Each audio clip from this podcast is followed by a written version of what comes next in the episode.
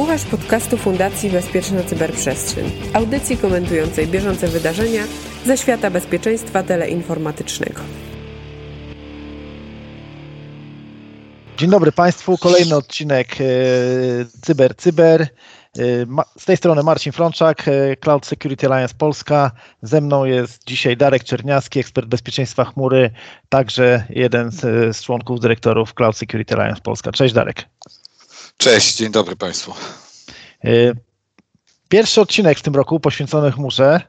E, więc e, no może sobie podsumujemy, co się działo w zeszłym roku. Ciężki był dla biznesu, nadal jest ciężki, ale dla chmury już chyba nieszczególnie, bo widać po opublikowanych ostatnio po opublikowanym raporcie z Eurostatu na temat wykorzystania chmury widać, że tutaj średnia europejska z, bardzo wzrosła do 36%.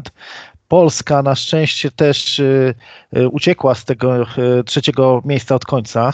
Już, już jest widać piąta teraz. Wzrosło to wykorzystanie o 12%, ale i, i doszło do 24%, no ale nadal to jest poniżej średniej europejskiej. I no widać, że E, Skandynawia e, znowu na, na, na pierwszych trzech miejscach. E, jeżeli wliczyć to jeszcze Norwegię, która jest poza Unią, to mielibyśmy cztery pierwsze miejsca ze Skandynawii. No ale ciekawa historia z, z Włochami, bo w porównaniu do 2018 roku, gdzie te wykorzystanie było na poziomie 23%, tak teraz 59%. To pokazuje tak. chyba, no, no mów Darek. No i to chyba nie dziwi, bo w sumie ogólnie można powiedzieć, że te wyniki nie dziwią. Wiadomo, że Skandynawia e, wiedzie prym, ponieważ e, fintech, a wszystkie fintechy, jak wiemy, z chmurą stoją. E, bardzo cieszy wzrost Polski, chociaż jest dużo do zrobienia, no a w przypadku Włochów się po prostu potwierdza, że największym takim katalizatorem migracji do chmury jest no niestety pandemia. Ona wymusiła digitalizację i te dane nie mówią nic, o czym byśmy już chyba nie wiedzieli. No ja powiem szczerze, że jestem, znaczy no nie jestem zaskoczony, z, że to wzrosło, ale jestem zaskoczony tutaj, jak patrzę na to, jakie kraje są w czołówce. Na przykład no, zaraz po y, Włochach z wykorzystaniem 59%, wszystkie kraje skandynawskie są powyżej 60%. No dalej mamy Estonię na przykład 56%. Wiadomo, mały kraj, no ale oni już od dawna y, postawili na tą digitalizację i widać bardzo konsekwentnie idą w tym kierunku. No i to też, też nie dziwi, bo to jest e, kraj e, z jednej strony bardzo, tak jak powiedziałeś, ze względu na swój rozmiar stosunkowo łatwo jest tam wprowadzać nowinki. E, dodatkowo oni zawsze byli prekursorami, na przykład to, co, co w tej chwili u nas jest nowością, może już nie tak znowu nowością, ale recepta e-recepta, coś takiego funkcjonowało w Estonii, no podejrzewam już dobre 10 lat temu, więc to, to też jest kraj, który jest, no można powiedzieć, w ścisłej czołówce, jeśli chodzi o innowacje. No tak, ale powiem Ci, że szczerze, że dziwią mnie na przykład y, pozycje takich krajów jak Niemcy. Y, Niemcy y, mają teraz wykorzystanie na poziomie, gdzie tutaj są, tu 33%, czyli też poniżej średniej europejskiej. Przed Niemcami są takie kraje jak Cypr, jak e, Słowenia, jak e, Chorwacja. Także to akurat te wyniki mnie dziwią, bo wydawało się, że Niemcy to też taki kraj, który raczej idzie w tą stronę digitalizacji. No tutaj mamy chyba za mało danych, żeby, żeby powiedzieć, co jest e, tutaj przyczyną. W Polsce na pewno przyczyną jest bardzo skostniała e, postawa państwa polskiego, przynajmniej no, może nie w tej chwili, bo faktycznie się dzieje i o tym będziemy mówili również podczas naszej dyskusji, mam nadzieję, no, ale no, ca, cały czas mamy pewien taki duży, dużą nieufność do chmury. I no mów Marcin, przepraszam. Nie, nie, nie. To właśnie chciałem trochę tutaj pociągnąć ten temat, y, że powiedziałeś, że się dzieje i, i, i tak się zastanawiam, czy się dzieje faktycznie, czy się dzieje na razie y, na slajdach w PowerPoincie, bo faktycznie jest dużo y, szumnych zapowiedzi, dużo, no dużo takiego powiedzmy marketingu, ale czy, czy, czy za tym idą konkretne działania, bo teraz no, no, nowe hasło, jakie e, się pojawiło, to jest Nowy Polski Ład. Brzmi tak trochę no, dosyć poważnie brzmi, jak, jak, jak pewne programy z lat 70., ale. Mam, no, mam kolegów, którzy by nawet powiedzieli, że brzmi wolnomularsko. No, no tak, gdzieś, gdzieś jest poruszany przez premiera Morawieckiego e, właśnie w ramach tego e, nowego polskiego ładu temat e, wspólnej infrastruktury informatycznej państwa, a w, a w ramach niej są wymieniane takie projekty jak właśnie strumieniowy, strumieniowa rządowa chmura obliczeniowa. I ta wspólna infrastruktura informatyczna państwa już to ten program działa, tak? I tutaj e, e, działa w postaci też platformy e, ZUCH, czyli zintegrowanych usług chmurowych, gdzie jednostki administracji rządowej mogą wybierać i korzystać z usług właśnie chmurowych i to się dzieje, tak, ale czy dlaczego to teraz jest określone w Nowym Polskim Ładzie? Czy to ma być rozwijane, czy po prostu chodzi o to, żeby y, no, wziąć udział w funduszu odbudowy, który y, no, bagatela 60 y, miliardów euro jest do, do, do zyskania na ten fundusz odbudowy i ciekawe, czy to tylko są hasła, czy pójdą za tym konkretne działania, jeżeli się uda takie pieniądze zyskać. Tak jak powiedziałeś, Marcin, no jak nie wiadomo o co chodzi, to chodzi o pieniądze, a tutaj chodzi o dosyć duże pieniądze. E, I no, tajemnicą Poliszynela jest, że polska administracja od strony IT e, jest cały czas bardzo rozczłonkowana. Praktycznie każdy resort posiada swoją oddzielną serwerownie. No w tej chwili, jak wszyscy wiemy, pomimo tego, co, co e, mówi rząd, no ale to jest fakt globalny, idzie recesja, więc wszyscy szukają oszczędności, więc taka konsolidacja do jednego podmiotu na pewno pomogłaby państwu polskiemu i to jest ruch e, jak, jak najbardziej w dobrą stronę, moim zdaniem. Okej. Okay. No, Pytanie jest, czy, czy rząd powinien wspierać rozwój tych e, usług chmurowych, czy, czy, czy, czy trochę e, odwrotnie nie przeszkadzać? E, jestem, jestem bardzo ciekawy, co przyniosłoby lepszy skutek. No Polacy zawsze najlepiej działają, jak im się nie przeszkadza, czego chyba, wiesz, przykładem by był czas, który, no ja, ja pamiętam jak, jako młody chłopak, yy, początek lat 90., kiedy ten agresywny polski kapitalizm się zaczął dorabiać. Później w momencie, kiedy przyszła yy, yy, taka tendencja regulowania coraz, większe rynku, no już trochę tej dynamiki wytraciliśmy i wydaje mi się, że tak samo będzie w chmurze, że jeżeli rząd będzie się starał to poukładać od początku, od, nie zostawiając żadnego pola wolności, no, no dalej będziemy zajmowali takie miejsce w rankingach jak w tej chwili, czyli będziemy jakimiś średniakami. Uważam, że Polskę stać na więcej, Polaków tym bardziej. Przecież nasi inżynierowie polscy informatycy, można powiedzieć, że to, to jest marka sama w sobie, w, w Europie przynajmniej. Właśnie powiedziałeś o tych e, regulacjach, tak, że, że, że rynek jest e, coraz bardziej regulowany. I teraz e, w Polsce pojawiają się, no w zeszłym roku ogłoszone zostały wielkie inwestycje, tak. Wszyscy poważni gracze inwestują w Polsce niemałe pieniądze i to cieszy, bo to jest faktycznie no, taka szansa i perspektywa na rozwój tych usług chmurowych w, w Polsce. W Europie natomiast pojawi się pomysł na y, taki schemat certyfikacji, y, certification scam, cloud certification scam to się nazywa. Gdzieś pojawiły się teraz właśnie konsultacje społeczne dotyczące tego programu i to jest pomysł Europy, NATO, Unii Europejskiej, żeby poprzez jakby uregulowanie tego rynku, żeby były jasne zasady, żeby zwiększyć szanse europejskich dostawców chmury. E, czy to jest dobra droga według Ciebie?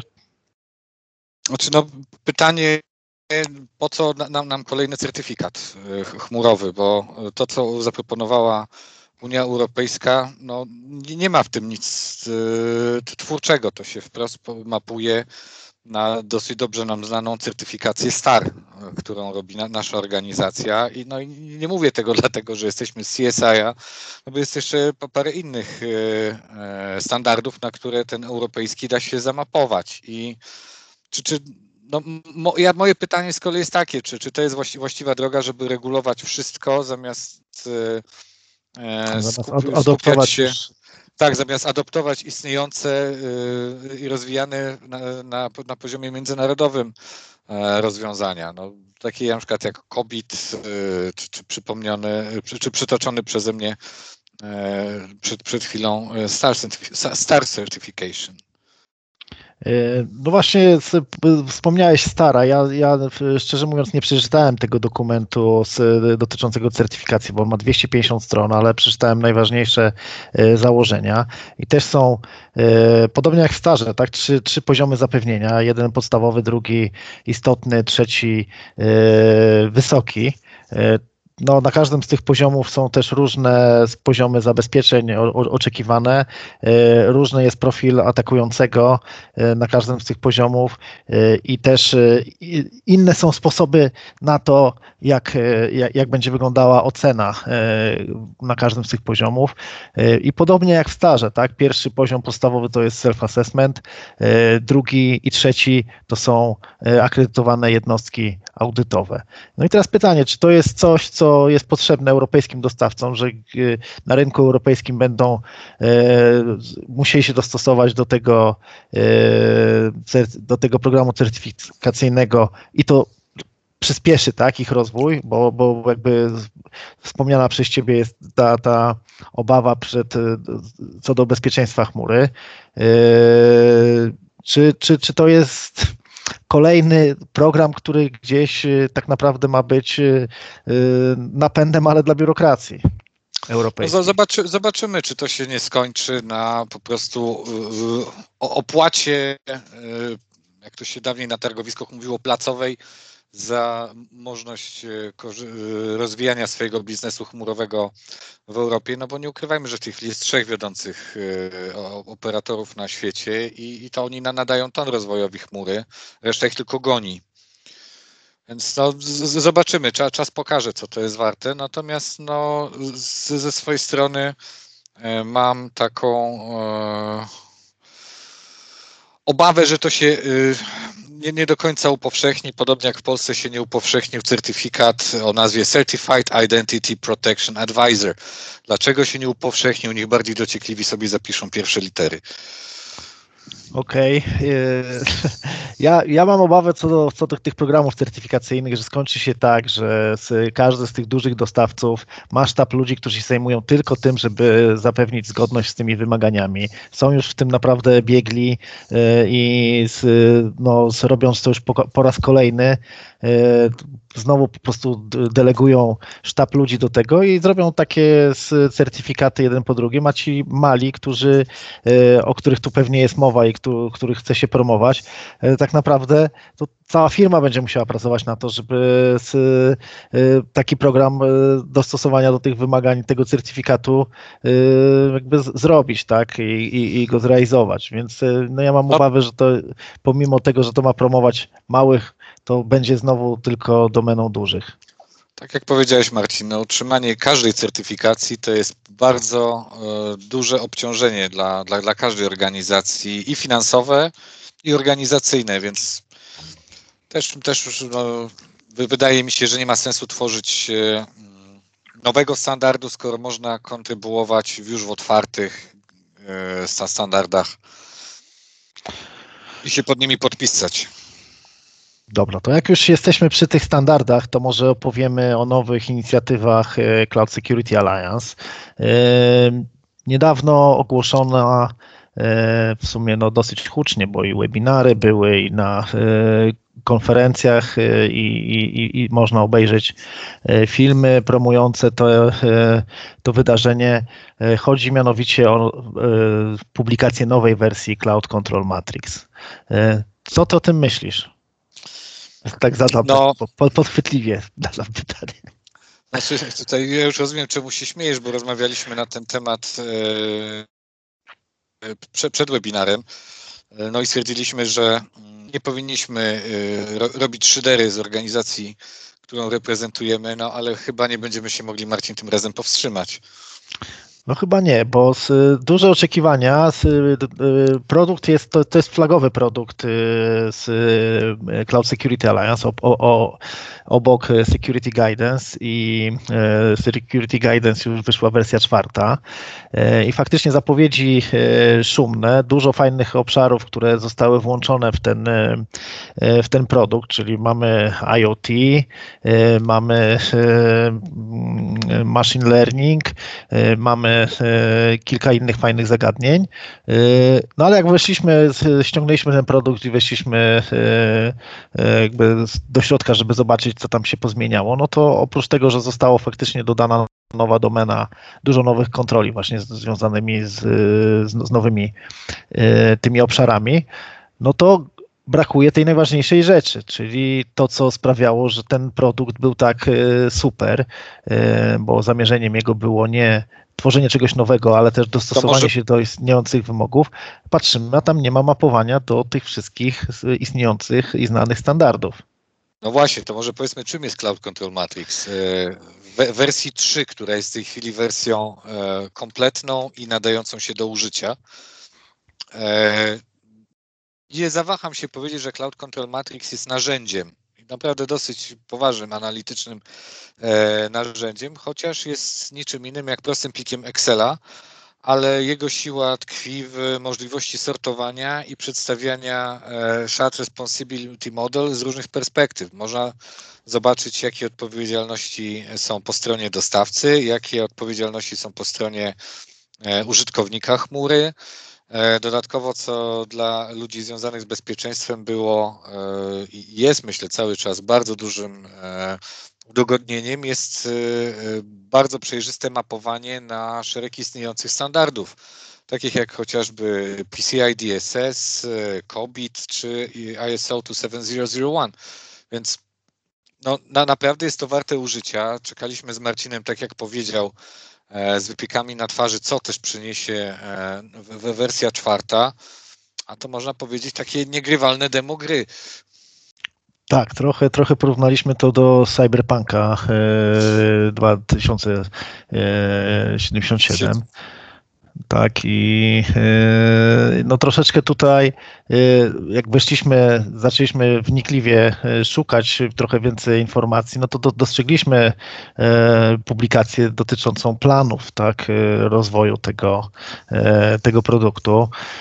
No i taki gotowy produkt wychodzi na to, że będzie dopiero z, z jakby na jesieni i, i, i, zimie tego roku, tak? Czyli pod koniec roku ma być tak naprawdę zakończone prace nad nim a stopniowo będą dodawane do niego e, produkty.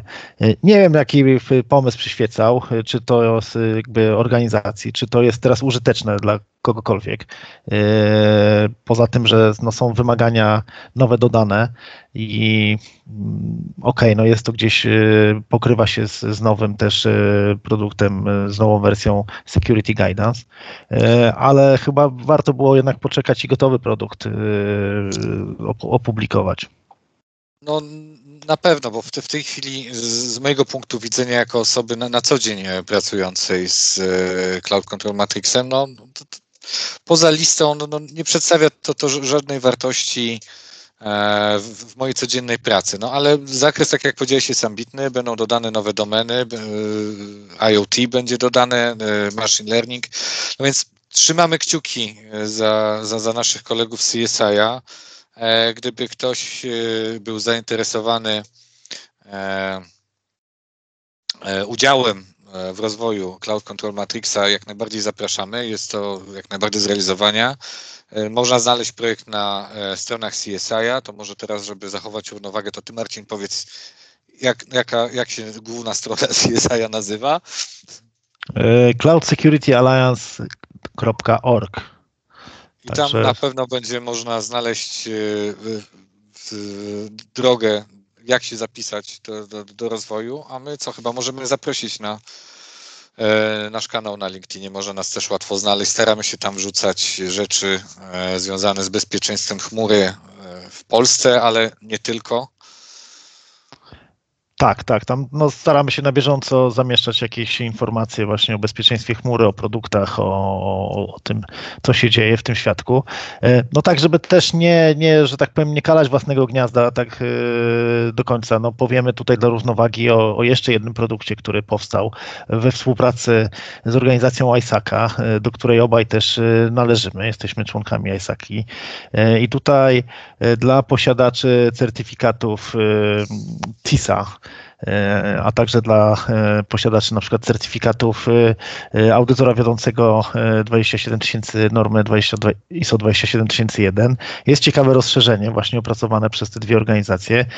Nazywa się to Certificate Cloud Auditing Knowledge i jest dedykowany właśnie dla audytorów, którzy chcą swoją wiedzę poszerzyć nie o standardy audytowania, ale o, to, o tym, jak y, y, audytować, jak oceniać ten specyficzny model w zasadzie, y, jakim jest usługowy, jakim jest cloud computing i jak orientować się właśnie w tym, że jest bardzo istotne w tym ta współdzielona odpowiedzialność za bezpieczeństwo i jak szukać dowodów na to, e, jeżeli e, kontrole są, e, odpowiedzialny za wdrożenie kontroli jest dostawca, a nie usługobiorca i jak te dowody uzyskać, żeby mieć poświadczenie, że one są realizowane. Tak, jak powiedziałeś, Marcin, to, to nie jest certyfikacja, która nauczy, jak audytować. Są certyfikacje, które lepiej do tego przygotowują. Natomiast ona może pokazać audytorom, tak jak powiedziałeś, specyfikę i pomóc im w zrozumieniu że e, z jednej strony w chmurze mamy bardziej widzialne e, to, co się w niej dzieje e, z punktu widzenia infrastruktury, ale z drugiej strony jest całkiem sporo po stronie tego, kto buduje swoje, uruchamia swoje workloady w chmurze, żeby również sensownie zbierać zdarzenia. Więc myślę, że to będzie że to jest na pewno odpowiedź na zapotrzebowanie rynku, bo samemu zdarzyło mi się być kilkukrotnie audytowanym przez, e, widziałem audyty, który, przy, przy, których audytorzy widać było, no nie, nie do końca rozumieli chociażby wspomniany przez Ciebie Shared Responsibility Model.